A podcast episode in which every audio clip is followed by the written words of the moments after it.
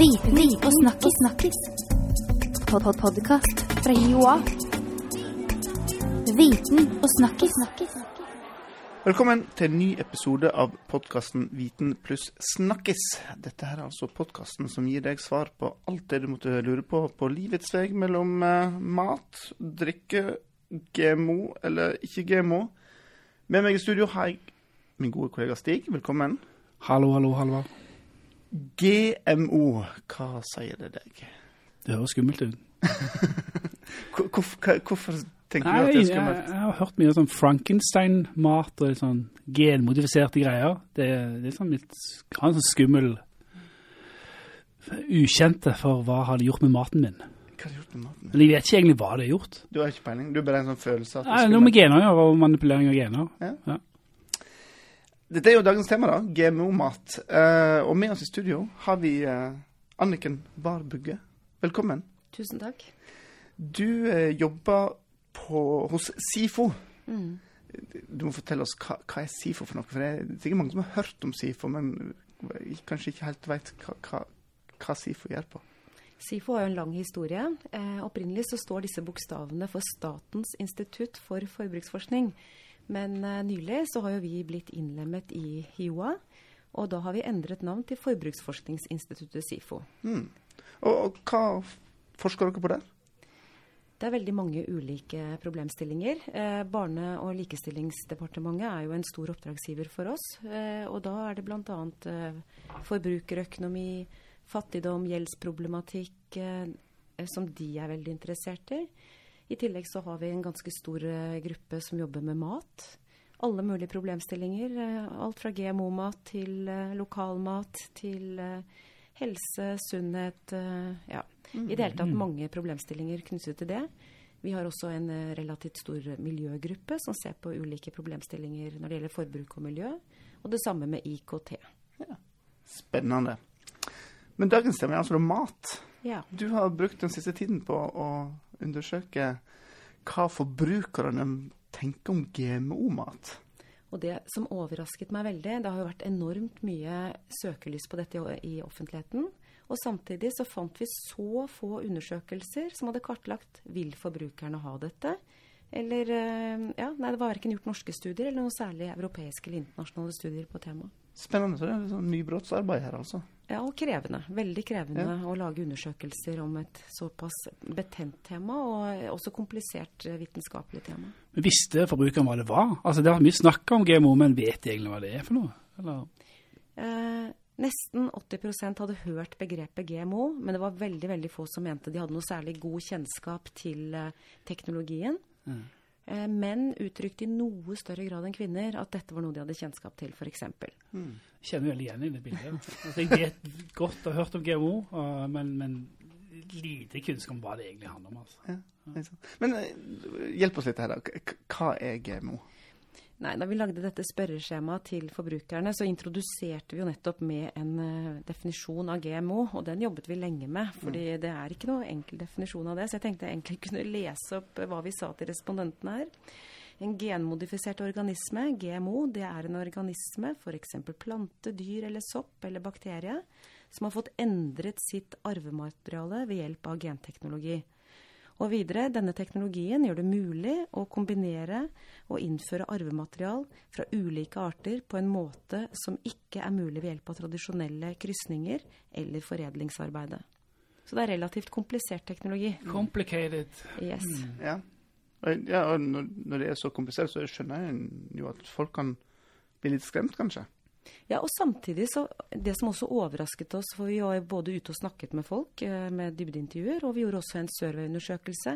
Det er et tema som fenger og engasjerer, og folk har mange meninger, mange bekymringer og mange tanker rundt det, men man føler likevel ikke at man har veldig god kunnskap. Så hvis jeg sammenligner med andre spørreundersøkelser vi har, så var det en mye større kategori som svarte 'vet ikke' på de ulike spørsmålene, eller når de skulle ta stilling til problemstillinger. Vil det føre til mindre eller mer bruk av sprøytemidler, f.eks. Men eh, likevel, jeg må si at jeg var overrasket over at eh, folk var engasjert og hadde mye tanker rundt det. Men GMO, GMO-mat er altså da ikke å finne i Norge. Nei.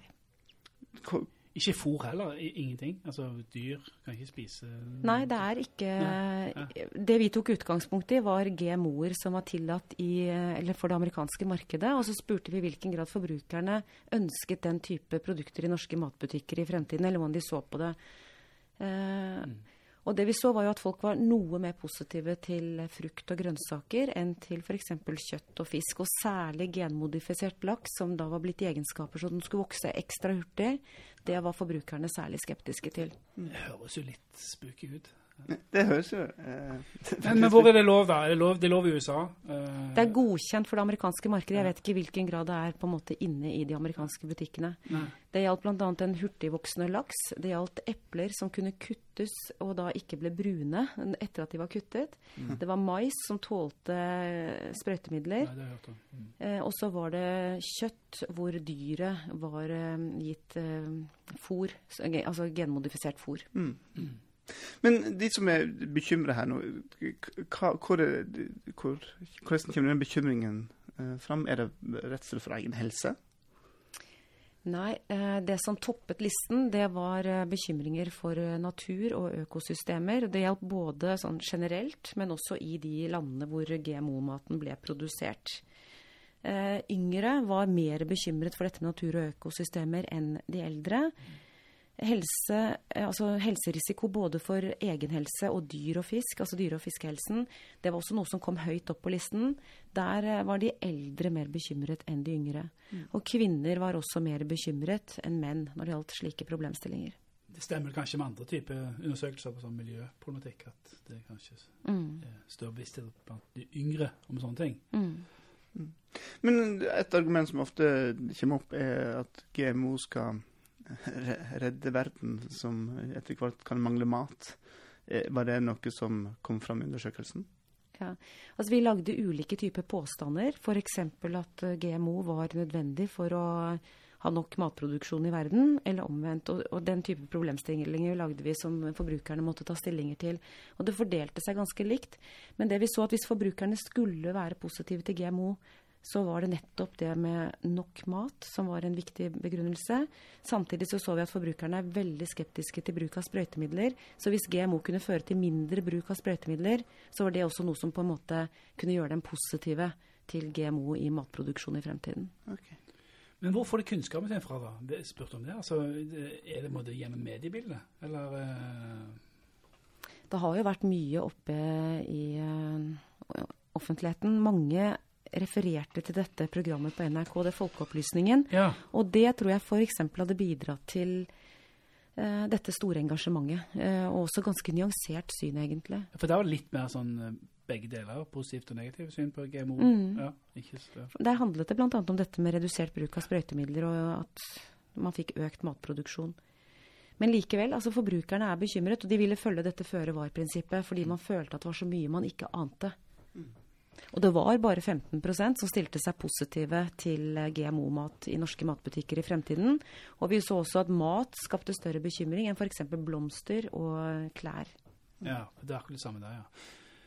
Men uh, hva, med, hva med andre land? Vet man noe om holdning til GMO-mat der, eller har du sett på det? Eller? Det, var, der... det er eh, en SIFO-forsker som har eh, gjort noen sammenligninger eh, tidligere. Eh, det var midten av 2000-tallet. Da kom det frem at nordmenn var eh, mer skeptiske til GMO enn eh, forbrukere i andre europeiske land. Hva med kunnskapsnivået til forbrukerne? Har det, har det mye å si for eh, valg? Tanker rundt Av mat generelt. Ja. Ja, vi ser jo at dette med helse, miljø og etikk er høyt oppe på dagsordenen for matforbrukerne. Folk er i økende grad blitt opptatt av at den maten de velger ikke skal eh, ja, føre til negative konsekvenser verken for helse, miljø eller etikk. Og at man er veldig opptatt av dette med naturlig mat. Man vil ikke tukle med naturen. Eh, så- ja, jeg mener at forbrukerne er blitt veldig bevisste. En sånn trend, ja. Eh, økolog, økologisk mat og den type ting. Mm. Men de med høyere utdannelse, var ikke de mer skeptiske? Jo. Det var funn, eller? Eh, Generelt så så vi at de som hadde høy utdanning, de ga uttrykk for at de hadde bedre kunnskaper om eh, GMO. Eh, Det var færre med høy utdanning som svarte 'vet ikke'. Eh, Og de ga også uttrykk for at de var mer skeptiske til GMO-mat i norske butikker. Viten og snakkis. Og snakkis. Det som jeg syns var viktig her, det er merking. Det ser vi at for, er veldig viktig for forbrukerne. Og det tror jeg også er en måte å orientere seg i det komplekse matmarkedet. Ikke sant? Er du opptatt av fair trade, er du opptatt av økologisk, er du opptatt av nøkkelhull, så er det en måte å velge de eh, matvarene som stemmer med dine preferanser og prioriteringer. Og det var også utrolig mange som svarte at merking var viktig hvis det skulle bli GMO-mat eh, i, i det norske markedet. Men, men du, er sånn generelt Du kan jo en del om, om oss forbrukere. Mm. når, når vi står der i butikken og skal velge mat eh, og Nå har vi vært inne på GMO, men vi har også vært inne på altså, organisk og, og kortreist, og det er masse ting her. Hva er det som til slutt påvirker eh, handlemønsteret vårt? For for jeg tenker jo at det til slutt ender opp med pris. Ja. Nei, pris har selvfølgelig effekt på hva som ender opp i handlekurven. Men eh, vi bruker så forsvinnende liten andel av det vi tjener på mat i dag, sammenlignet med tidligere. Det virker ikke sånn. Nei, men eh, en gjennomsnittshusholdning bruker da 11 eh, av det de tjener på mat. På 1950-tallet brukte vi 40% I Det er sjokkerende. 1907 90 En annen ting er Bruker vi penger på det? bl.a. bolig og transport. Men, eh, og utvalget i norske dagligvarebutikker har jo også eksplodert. Altså det er jo eh, et vanvittig utvalg. Så det er klart vi kan velge på øverste hylle. Vi ser vi har et stort handlingsrom eh, når det gjelder matvalg. Og den økende velstanden har jo bl.a. gitt seg utslag i veldig økt kjøttforbruk. Samtidig så ser vi jo også at en veldig økende andel av forbrukerne ønsker å redusere kjøttforbruket sitt. Både av e- hensyn til egen helse, men ikke minst av hensyn til miljø. Eh, Så jeg vil si at eh, vi ser en relativt politisk bevisst matforbruker i dag. Pris altså, betyr selvfølgelig noe, men samtidig helse, miljø, etikk alle disse problemstillingene er også noe som opptar forbrukerne i stor grad. Og vi ser det også på hva de faktisk velger. Økologisk mat økt veldig når det gjelder salg. Det samme lokalmat, norskproduserte matvarer osv. Det går et skille mellom de som hadde uh, utdanningsnivå og kanskje sosioøkonomiske forskjeller også mellom folk, eller er det er det sånn økologisk mat med det trendy på hele fjøla? på å si? Der scorer jo kvinner også høyere enn menn. Kvinner ja. Mm. Men eh, kvinner er veldig veldig matbevisste, og de er veldig opptatt av sunnhet og helse. Men det mest interessante der er jo at det har vært en veldig økning både blant menn og unge. Altså grupper som tradisjonelt ikke har vært så opptatt av sunnhet og helse. De har også i veldig økende grad blitt eh, bevisste på de problemstillingene.